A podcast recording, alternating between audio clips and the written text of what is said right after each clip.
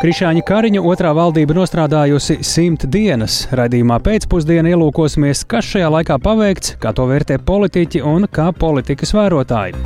Jaunā Rīgas teātra ēkas būvdarba pabeigšanai jauns termiņš. Ēka ir jāpabeidz līdz gada beigām. Es esmu pilnīgi pārliecināts, ka šī ir beidzamā reize, kad ierodoties šeit, es velku šo zeltaino vesti un būvniecības noteikumiem paredzēto ķimeri. Radījumā pēcpusdiena plašāka reportāža no teātra būvlaukuma. Un skaidrosim, kā gada laikā mainījušās iedzīvotāju iespējas iegādāties mājokli un kāds bijis piedāvājums. Šodien publiskots Svetbanka mājokļu pieejamības indeks. Par to visu jau pavisam drīz ziņu raidījumā pēcpusdiena kopā ar mani Tālu Eipuru.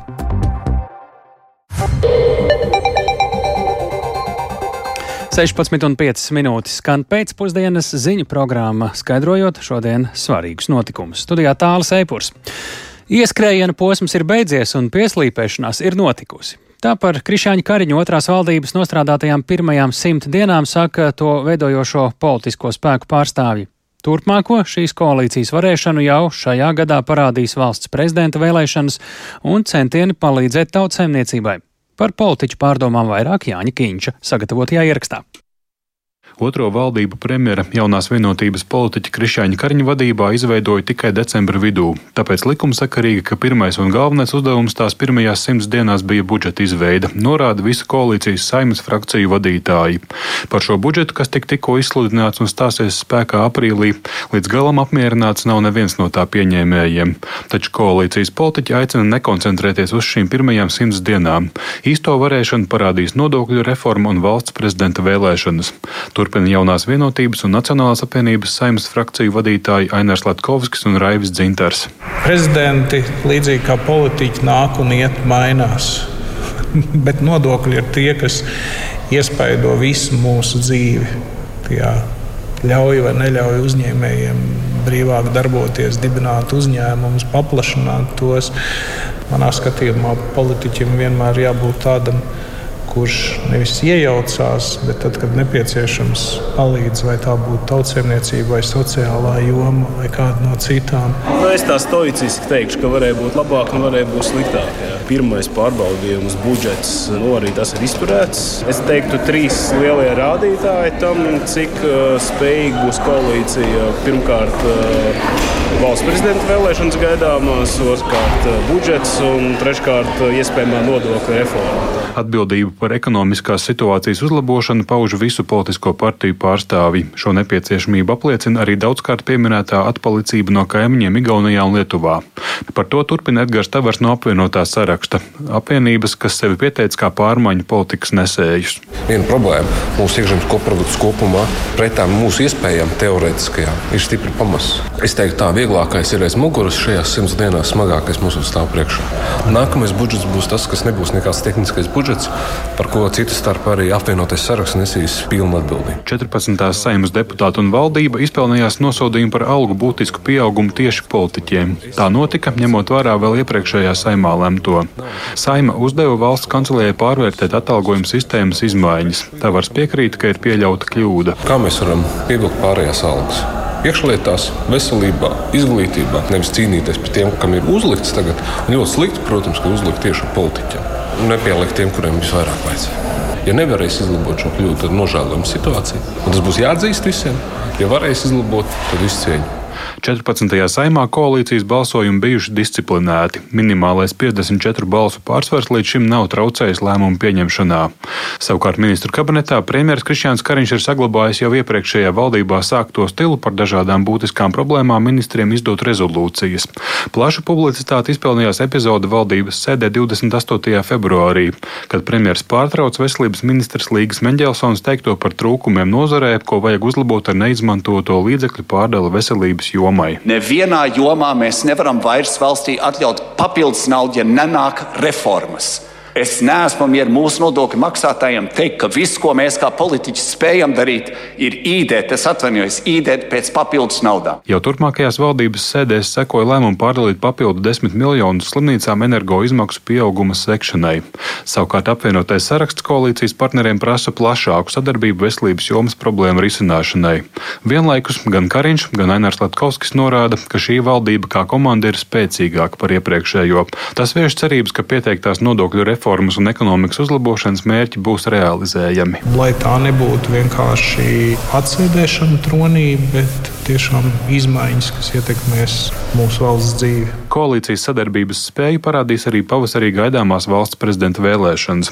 Apvienotais saraksts sola pieteikt savu kandidātu. Nacionālā apvienība aprīlī domas sēdē izvērtēs, vai trešo reizi šim amatam uzrunāt esošo valsts prezidentu Egilu Levitu. Savukārt jaunā vienotība vēlas gūt pārliecību par valsts prezidenta amata kandidātu nostāju valsts drošības jautājumos. Turpina Edgars Tavars, Raivis Dzintars un Ainars Latkovskis. Prezidents ir tas, kurš var pasaukt premjeru katru nedēļu pie sevis un uzdot jautājumu, ko tu domā ar vārdu ekonomiskā transformācija. Precīzi pa, pa soļiem, nevis lozungos. Un kurš var padiskutēt, kurš saprot ģeopolitiskos notikumus pasaulē, kurš saprot tautsēmniecību. Divas iespējas. Vai nu koalīcija vienojas par pašu par vienu kandidātu, vai nu izšķir opozīciju. Viedokļi par šo kompāniju droši vien var atšķirties, bet nu, vismaz manā vērtējumā nu, tie nebūtu politiskie spēki, kuriem vajadzētu teikt galavāru par to, kas būs Latvijas valsts prezidents. Ir svarīgi, ka šis prezidents būtu publiski zināma persona, kur ir paudusi stingru viedokli par Latvijas drošību par atbalstu NATO. Ja mēs ievēlam kādu, kur viedoklis nav skaidrs, vai izteikumi atsevišķos laika posmos ir bijuši Krievijai par labu, nu, tas būs slikti arī mūsu valstī, neatkarīgai Latvijai un latviešu tautai. Valsts prezidenta kandidātu pieteikšana notiks maija vidū, bet vēlēšanas mēneša beigās. Savukārt nodokļu izmaiņu plānam jātop līdz rudenim. Jānis Kincis, Latvijas radio. Vērtēsim arī turpmākajās minūtēs valdības pirmo simt dienu darbu Rīgas Stradiņa Universitātes politikas zinātnes katedras profesori Ilga Kreituse pie mūsu klausulas. Labdien! Labdien! Nu, tīri jau intonatīvi dzirdējām tādas intonācijas, kas varbūt iepriekšējās valdības laikā Krišāņa Kariņa balsī nebija dzirdamas, tāpēc pirms ķeramies pie izdarītajiem un neizdarītajiem darbiem un kvalitātes, tad tā tīri politiski kādu spēju strādāt šī valdība ir parādījusi, nu vai ir kas tāds, ar ko tās darbības veids atšķiras no iepriekšējās, ne tikai nu, intonācijas? es gribētu teikt, ka Kariņa kungs ir kaut kur nodemonstrējis sevi, kā, ziniet, tāds tēls divsejainais Janus, jā. Vienā valdībā viņš bija, kad, kad ar mazākumu ar astoņām deputātu vietām saimā, kad viņš ļāva tam sajietam, ko grūti nosaukt komandu valdību, kas strādā, darīt katram, ko grib, un tā miermīlīgi klusiņām ik pa laikam tik pats kaut ko pateica, un viss tas tā gāja uz priekš četrus gadus. Tagad sajūtot spēku, no šī mierīgā, it kā līdzsvarotā cilvēka mēs ieraudzījām tomēr spilgt izteikti diktatoru ar savām prasībām, ar savām nostājām un ar ļoti ļoti grūti pieņemamu citu cilvēku kritiku vai norādes uz kaut ko neizdarītu. Bet viens ir palicis ar abās valdībās, ka premjers neatbild ne par ko, šī tā kā tāds moderators, tā kā tāds pārzinātājs pār, pār tiem pārējiem, kas tur valdībā sanākuši, tikai, ja vienā reizē tas bija maigu cimdu, kā saka, dariet, dariet, ko gribat, tad tagad ar spilgt izteiktām diktatoriskām iezīmēm. Pie tā mēs vēl atgriezīsimies, bet ja par padarīto un nepadarīto, ko šī valdība ir veiksmīgi paveikusi pirmajās simtdienās un ko ne? Ļoti grūti pateikt, ko ir veiksmīgi paveikusi. Veiksmīgi izdarījis to, ka pedagogi ir atgriezušies pie streika un mediķi ir maksimāli neapmierināti un vēl, vēl visdrūmākais ir tas, ka netik daudz mediķu neapmierinātība ar algām, kā to, ka pacienti novesti vēl kritiskākā stāvoklī nekā bija. No pozitīvā ir maz ko atzīmēt, tad vēlme un solījumi, kam tiemžēl cilvēki vairs ne īpaši tic, un it īpaši šī izgāšanās ar šo lielo algas pielikumu noteikumi, ko sev pielika. Es jau savā laikā teicu, ka saima vien katru mēnesi, ja nepielikt sev algas, varētu 100 tūkstošus atdot kādai no nozarēm vai atdot pacientiem, nerunājot par saimas priekšsēdētāju, kas katru mēnesi 3 tūkstošus varētu atdot ģimenes ārstiem un valdību ministriem un prezidentu kopā ņemot. Tā kā tādu ļoti pozitīvu kaut ko ieraudzīt ir diezgan grūti.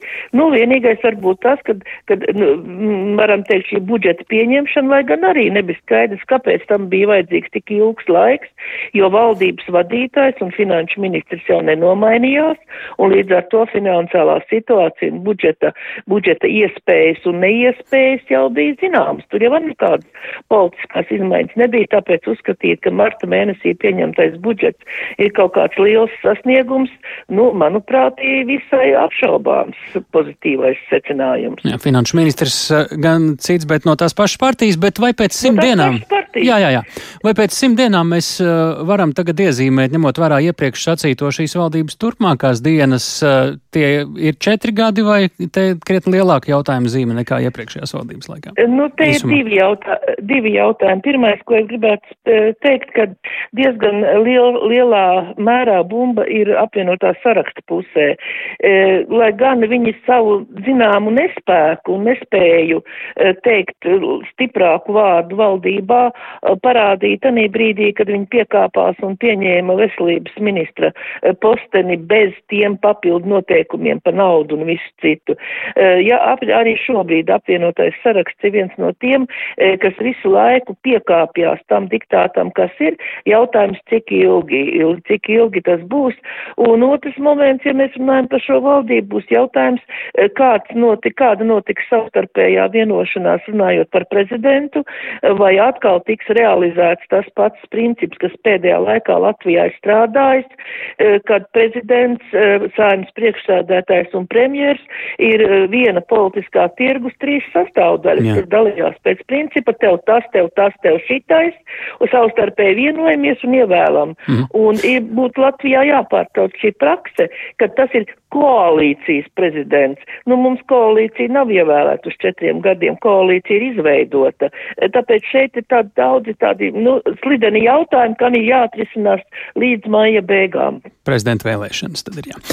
jā. Liels paldies! To mēs sākām Ilgai Kreitusei, bet uh, turpinām par vienu no šīs valdības lielajiem izaicinājumiem. Tieši šobrīd tas ir skolu tīkla optimizācija. Lai to pārunātu vietās, kur skološanās izmaksas ar katru gadu pieaug, Izglītības un zinātnes ministrijas darba grupa pēdējā mēneša laikā ir apmeklējusi 18 pašvaldības. Latvijas pašvaldības savienība tikmēr ceļ trauksmi, ka šī reforma ir pārāk radikāla. Pēc šī brīža ministrijas kritērijiem varētu tikt slēgtas pat divas trešdaļas mazo lauku skolu. Pretenzijas saņemts arī no skolotājiem un bērnu vecākiem. Ministrija šodien darba brokastīs skaidroja situāciju medijiem un vairāk par to ievas puķis sižetām. Mediju brokastīs izglītības un zinātnes ministrijas apmeklētāja centrā kafija un smalkmaizītes uzstājīgi netika piedāvātas, skaitļi gan.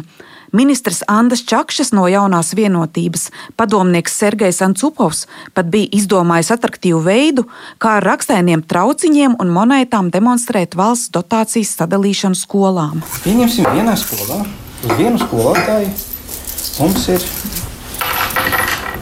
1, 2, 3, 4, 5, 6, 7, 8, 9, 17, 18. Tā, te ir 18 bērni. Tagad, kāpēc tie ir šajā gadījumā lati, jo ar katru skolu ienāk nauda. Tagad, kas notiek, ja mums proporcija ir šāda, tad mums nevis viena skola, bet ir trīs skolas. Bērni sadalās šādi. Katrā būs pa seši. Jo vairāk skolēnu, jo vairāk naudas pedagoģu apmaksai un mazāki izdevumi telpu sildīšanai.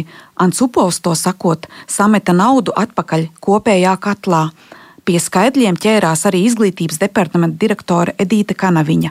Gan vietēji, gan starptautiski pētījumi liecinot, ka arī skolēnu mācību rezultātiem un klases lielumam ir sasaiste. Skolēnu skaits sākuma skolā, lai skolēns iegūtu pilnvērtīgu, kvalitatīvu pieredzi izglītībā, ir ne mazāks kā 15 bērni klasē, pamatskolā ne mazāks kā 20 bērni, vidusskolā ne mazāks kā 25 bērni klasē. Lai klase būtu pašpietiekama un mēs varētu skolotājiem nodrošināt labu darba samaksu, skolēnu skaits nevar būt mazāks par 15 bērniem klasē. Daudzas reģionu skolas neatbilst šiem kritērijiem.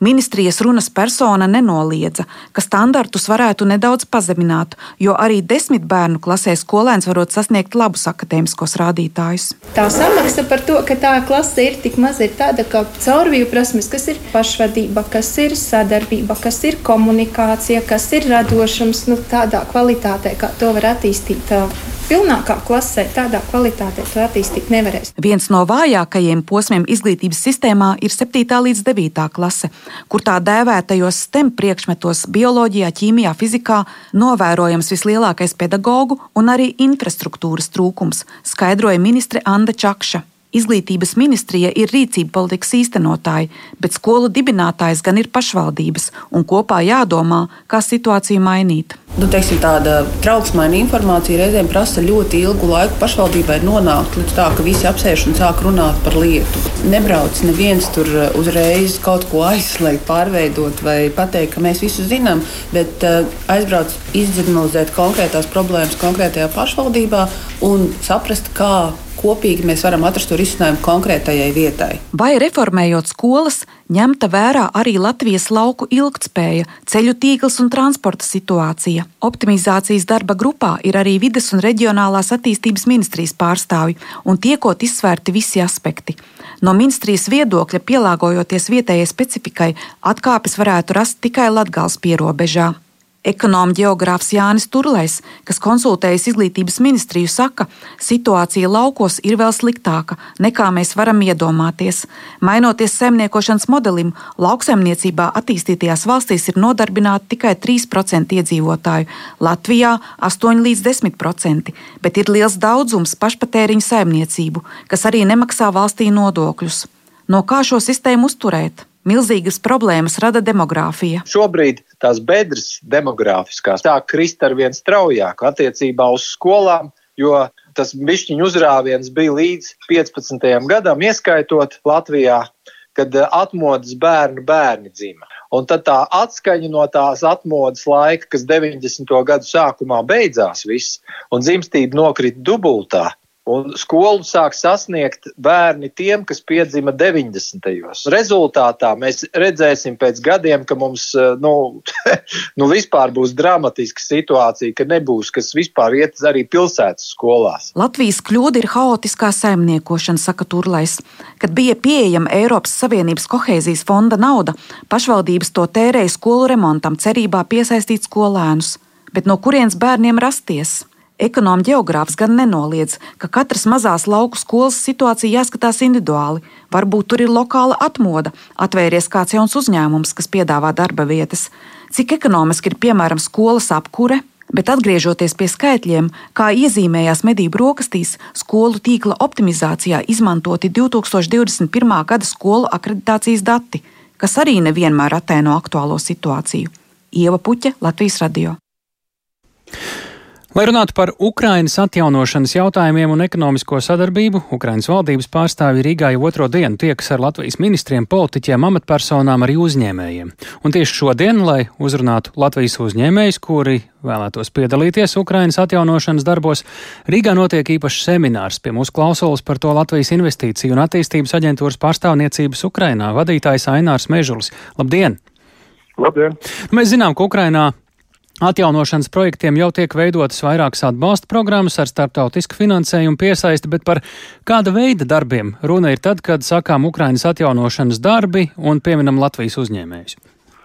Es gribētu teikt, ka uh, veids ir visdažādākais, sākot no rekonstrukcijas, no celtniecības darbiem, beidzot ar uh, digitalizāciju, uh, transporta jomu, un šodienas seminārs, kā jūs minējat, to arī pierāda, jo milzīgi interesi no Latvijas uzņēmēju puses piedalījās vairāk kā 130 pārstāvi no dažādiem Latvijas uzņēmumiem, un es ceru, ka arī viņi saņēma, nu, ja ne pilnībā, pa daļai informāciju no Ukrainas puses par jau šobrīd iespējām, ko varētu veikt un palīdzēt Ukrainai, un arī tad, kad kara darbība Ukrainā beigsies. Līdz ar to, kas ir tās lietas, ar kurām Latvijas uzņēmējiem būtu jātiek skaidrībā, par kurām viņi paši interesējas, tā skaitā šodienas seminārā, lai viņi varētu izlemt par iesaistīšanos Ukrainas atjaunošanas darbos un to arī reāli darīt.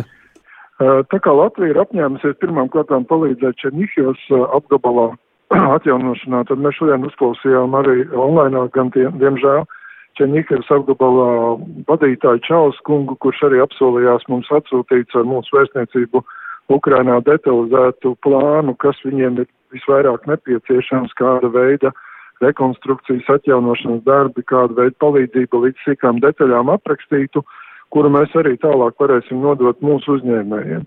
Tajā pašā laikā mēs strauji attīstam un jau esam, nu, drīz nonākuši pie tehniskā risinājuma, kā attīstīt kravu plūsmu caur dzelzceļu, caur Poliju, Lietuvu līdz Latvijas ostām. Un tā, tajā sakarībā arī virkne Lat uh, Ukrainas uzņēmēji šobrīd ir šeit kopā ar valdības delegāciju. Pavisam īsi vēl, uh, kas uh, šobrīd, kur vērsties uzņēmējiem, kuriem ir interesi, kuri vēl nav bijuši šajā seminārā un dzird šo sarunu, kāda ir secība?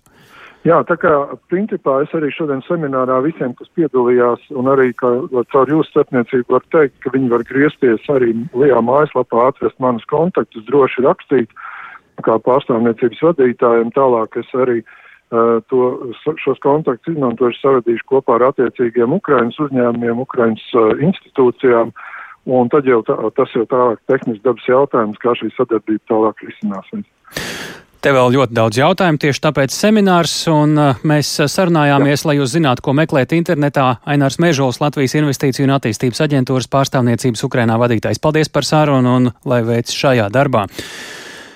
Krievijas uzņēmējiem piedarošais konfekšu ražotājs Pobeda nesen Krievijā apbalvots par palīdzību Krievijas armijai karā pret Ukrainu. Šāda ziņa raisījusi sabiedrības sašutumu sociālajā platformā Twitter šeit Latvijā, un sašutuma iemesls viena no Pobeda fabrikām joprojām darbojas Vēnspilī, kur turklāt arī īrē pašvaldības telpas. Vēnspils brīvostas pārvalda uzņēmumam pieprasa situāciju skaidrot, bet vairāk Viktora Demīdo stāstā. Šokolādes, trifeles, vafeles un cita veida saldumus Krievijas konfekšu uzņēmums Pobēda jau vairāk nekā sešus gadus savu produkciju ražo arī Vēnspilī, kur atrodas viena no trim ražošanas vietām un vienīgā ārpus Krievijas. Kompānija pieder Muravjovu ģimenei - Vitālijam, Andrijam un Olgai, kura ir uzņēmuma valdes priekšsēdētāja. Arī Latvijā viņa ir galvenā, bet kā patiesais labumu guvējs Vēnspils ražotnē vietnē Lursoft ir norādīts Andrejs Muravjovs. Muravjovs. Visiem trīs ģimenes locekļiem ir Kipras pase, kuru vecākais Muravjovs, Vitālijs, ieguvis pēc Krievijas iebrukuma Ukrainā. Karam sākoties, uzņēmums savu darbību Latvijā nepārtrauca, norādot, ka izaivielas pērk no Eiropas valstīm. Ražotni apmeklēja skolēnu un pirmskolas izglītības iestāžu grupas.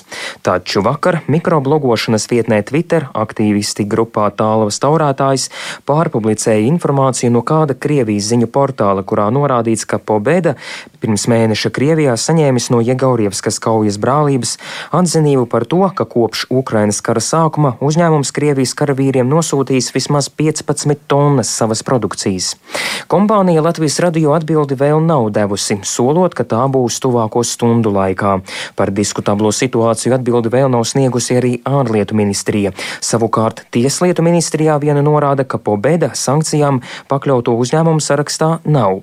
No uzrunātajiem visātrāk reaģējusi Vēncpils pašvaldība. Pilsētas brīvostas pārvaldē norāda, ka konfekšu ražotājs no pašvaldības īrē telpas.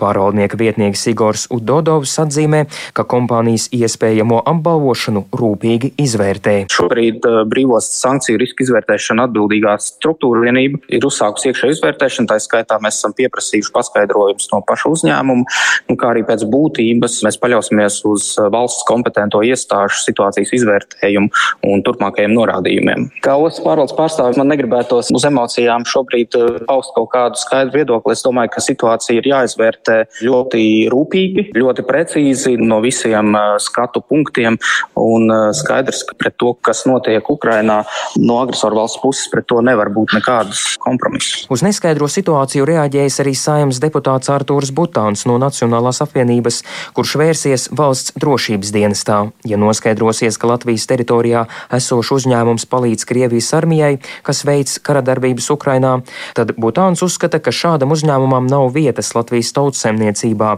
un tā amatpersonas ir nekavējoties jāsauc pie atbildības. Viktors Demidovs, Latvijas radio.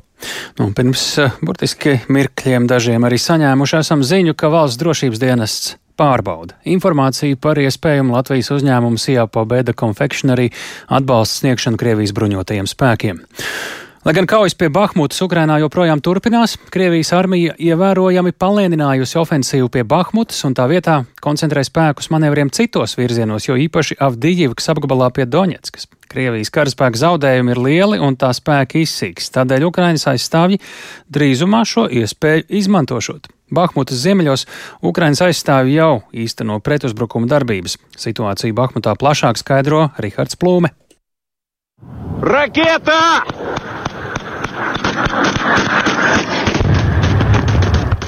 Aktīvākās kaujas starp Ukrainas bruņotajiem spēkiem un Krievijas armijas un vāgneriešu vienībām notiek Bahmutas dienvidu un ziemeļu daļās. Krievijas spēki cenšas virzīties pilsētas centra virzienā, tomēr Ukrainas spēki to satur.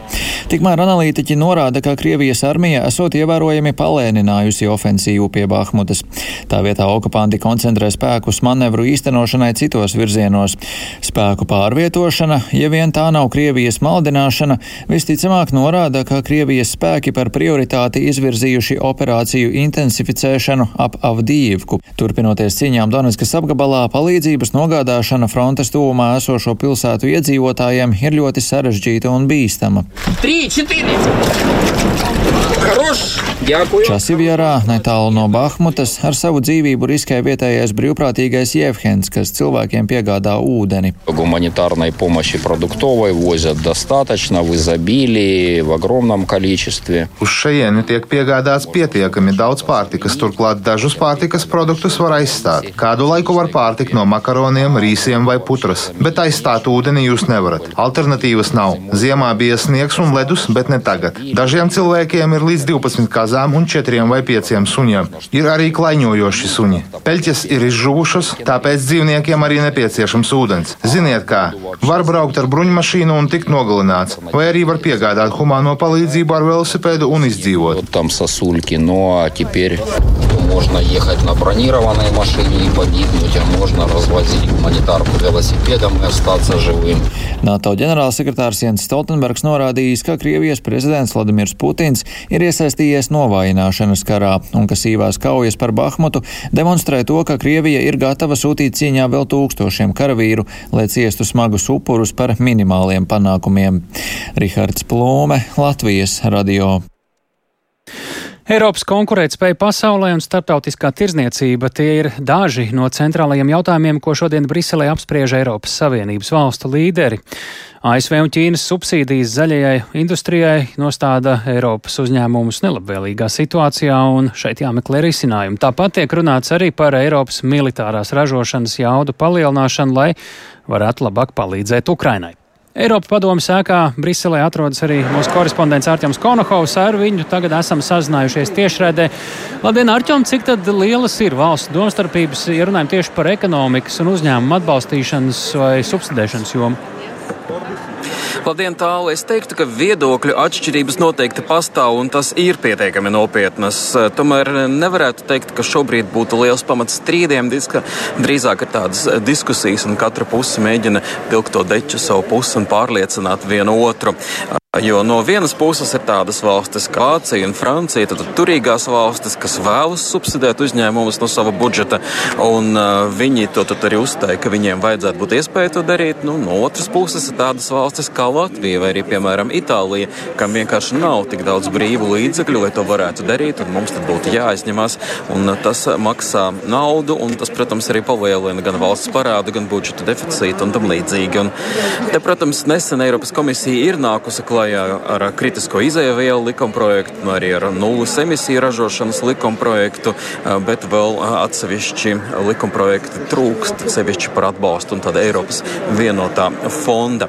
Un, protams, diskusijas notiek arī ar Vašingtonu, un tās risinās dažādos līmeņos, gan Eiropas komisijas līmenī, gan arī dažādu valstu vadītāju līmenī. Un nesen Vašingtonā ir viesojies arī īrijas premjeras Leo Varatkars, un varam paklausīties paklausīties, ko viņš ir sacījis par šīm diskusijām šodien ierodoties Briselē. Uh,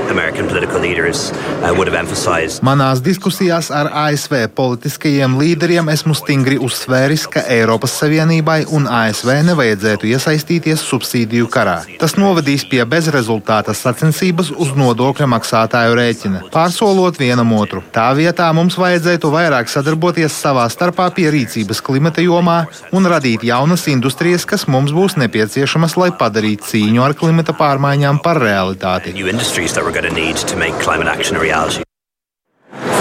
Ja runājam par tirsniecību, tad arī te ir zināmas pretrunas un tādas uh, savstarpēji pretējas intereses. Ir parakstīti 14 brīvās tirsniecības līgumi, bet 11 no tiem nav ratificēti, jo valstīm ir dažādi iebildumi. Arī šeit ir svarīgi um, pātrināt šo līgumu ratifikāciju tālu. Jā, e, viens no jautājumiem, kas nav oficiālajā dienas kārtībā, bet tik un tā piesaista lielu uzmanību un varbūt kuluāros tiek runāts, ir strīds ap iekšdedzes dzinēju aizliekšanu automašīnās. E, tas ir ļoti svarīgs daudziem Eiropas iedzīvotājiem un ražotājiem Vācija. Tomēr izrādās prasa atļaut lietot e, vismaz sintētiskās degvielas, vai šajā jautājumā ir gaidāms kāds progress. Šeit uh, tiešām progress varētu būt visticamāk ne šodien un rīt, jo šis jautājums tika apspriests skolāros un um, izstāsta, ka tomēr kompromiss varētu tikt. Jārķom, šobrīd laikam mums uh, ir dzirdamība apgrūtinājusies. Uh, liels paldies tik tālu svarīgāko mēs dzirdējām un mēs uh, turpinām raidījumu pēcpusdienu. Un pievēršamies situācijai, kur pēdējos mēnešos ir risināta ilgi, daudz un dažādos veidos. Jaunā Rīgas teātra ēkas būvdarbu pabeigšanai jauns termiņš. Lai beidzot pabeigtu ēkas pārbūvi un teātra kolektīvs varētu atgriezties atpakaļ mājās, valsts nekustamie īpašumi un būvnieki SBSC ir noslēguši jaunu vienošanos. Ēka ir jāpabeidz līdz gada beigām. Plašāk par vienošanos un turpmāko teātrēkas būvniecību Agnijas Lazdiņas reportāžā. Jaunā Rīgas teātra ēka eksploatācijā jānodod šī gada decembrī. Ja viss notiks kā plānots pēc valsts nekustamo īpašumu un būvniecības SBSC jaunās vienošanās, teātra kolektīvs mājās Lāčplēša ielā 25 atgriezīsies nākamā gada sākumā. Turpina kultūras ministrs Nauris Puntulis no Nacionālās apvienības. Es esmu pilnīgi pārliecināts, ka šī ir beidzamā reize, kad ierodoties šeit, es velku šo zeltaino vesti un būvniecības noteikumiem paredzēto ķimeri. Un nākamā reize, kad es šeit ieradīšos, es varēšu būt klātesošs, lētīts svinīgajā pārgriešanā Jaunā vienošanās sevi ietver ne tikai jaunu ēkas būvdarbu pabeigšanas termiņu, bet arī darba grafiku ar konkrētiem darbiem un datumiem. Tas valsts nekustamajiem īpašumiem ļaus stingri sekot līdzi un kontrolēt, vai būvdarbi raitiet uz priekšu. Valsts nekustamo īpašumu valdes locekle Jeļena Gavrilova uzsver, jaunā vienošanās ir būvnieka pēdējā iespēja laikus pabeigt teātrēku. Parakstītā vienošanās arī rada to, ka mēs arī esam ļoti, ļoti interesēti to projektu pabeigt. Un ne tikai teātra kolektīvs, bet arī mēs ļoti gribam, lai teātris pēc iespējas ātrāk varētu atgriezties savās mājās. Šī vienošanās arī ir papildus motivācijas instruments būvniekam pabeigt to visu līdz gada beigām beigām. Gaurilova arī stāsta, ja darba grafiku pārkāps, tad izvērtēs iespēju piesaistīt citu būvnieku, kas attiecīgi projektu pagarinās un sadārdzinās. Tāpat būvniekam būs arī līgumsots, jo sākotnējais būvdarbu pabeigšanas termiņš 11. marts ir nokavēts. Tas, cik liels būs sots, atkarīgs no būvnieka un tā vai ievēros jauno vienošanos. Jaunā Rīgas teātra renovācijas mērķis ir izveidot modernu Eiropas līmeņa teātri. Būvprojekta izstrāde sākta 2018. gadā, bet pati būvniecība no 2020. gada. Līgums ar būvniecību noslēgts par nepilniem 33 miljoniem eiro. Pēdējie galvenie darbi, kas teātrī šobrīd ir jāpaveic, ir inženiertehniskās komunikācijas, kā piemēram ugunsdzēsības sistēmas, signalizācijas un ventilācijas uzstādīšana, kā arī dažādi apdares darbi. Kā stāsta būvniecības SBSC valdes loceklis Juris Petersons, ir atrisināta apgrozāmo līdzekļu problēma. Proti, no bankas ir saņemts apliecinājums, ka ir pietiekams finansējums, lai ēku pabeigtu. Tā kā mēs pašreiz to redzam, mēs nekādas sarežģījumus neredzam. Tā mēs esam salikuši visus mūsu darbus. Pretī ir e, naudas grafiki, kas būs mūsu rīcībā. Mēs domājam, e, ja nekas tāds ekstraordinārs nenotiks, tad arī mēs darbus pabeigsim šā gada decembrī. Latvijas radio uzrunāja arī jaunā Rīgas teātra māksliniecisko vadītāju Alvi Hermani. Viņš uzsvēra, ka teātris ir pieteicis beztermiņa streiku un runās tikai tad, kad beigsies ēkas būvniecība. Agnija Lazdiņa, Latvijas radio. Tagad runāsim par nevis vienu ēku, bet ļoti daudzām ēkām, precīzāk mājokļiem, droši vien arī dzīvokļiem. Gada laikā ir būtiski mazinājusies iedzīvotāju spēja iegādāties sev mājokli. Tā liecina jaunākais Svetbanka mājokļu pieejamības indeks. Kā tad gada laikā ir mainījies gan piedāvājums, gan finanšu pieejamība, kā arī ko varam gaidīt tuvākajā nākotnē? Īsā sarunā Agnes Bucinietis, Svetbanka Latvija ekonomista pie mūsu klausulas. Labdien! Labdien! Ko vispār īsumā nozīmē mājokļu pieejamības indeks? Tas ir stāsts par piedāvājumu tirgu, vai arī par to, vai cilvēki var atļauties pirkt sev mājokli, vai tur ir viss kopā?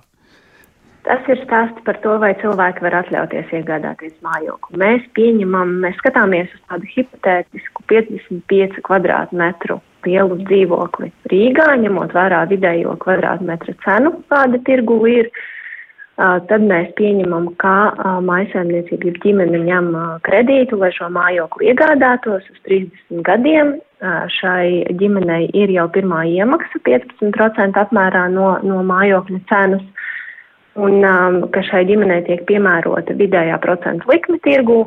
Un mēs pieņemam, ka šai ģimenei ir vidēji ienākumi, kas ir pus, ap, aptuveni pusotra uh, mēneša alga Rīgā strādājošam cilvēkam. Mhm. Par ko tad liecina jaunākie jūsu dati, kāda ir un kā mainījusies šī iedzīvotāju spēja iegādāties mājokli? Nu, tur droši vien tas ir saistīts gan ar to, kas tirgū tiek piedāvāts, arī par cenām runājot, gan arī par iespēju to finansēt.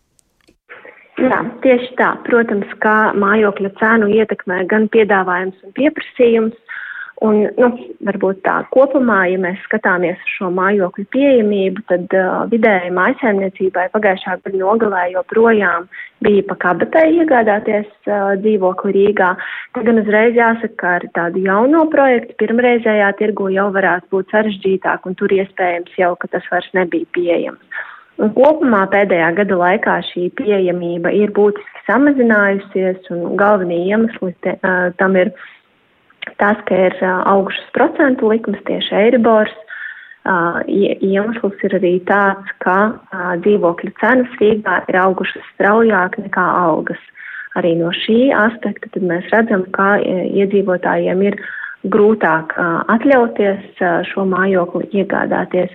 Jāatzīmē arī, ka kopumā augstā inflācija, augusī dzīves dārdzība nozīmē, ka iedzīvotājiem vairāk līdzekļu jāvelta no arī dažādu pamatvajadzību nodrošināšanai, kā piemēram pārtiks, medikamentu iegāde, rēķina apmaksa. Un iespējams, ka kādam, kam iepriekš bija, nu, kas apsvēra mājokļa iegādi, kāds ir varbūt savus plānus arī šajos apstākļos nedaudz pamainījis. Un kopumā tas pieprasījums ir mazinājies mhm. pagājušā gada nogalē. Te runa par visiem iedzīvotājiem vai par tiem, kuri ir izteikuši kādu nodomu pirkt mājokli, izrādījuši interesi? Nu, šajā gadījumā mēs vairāk apskatījām tos ekonomikas rādītājus, ko viņi rāda uh, par spēju iegādāties.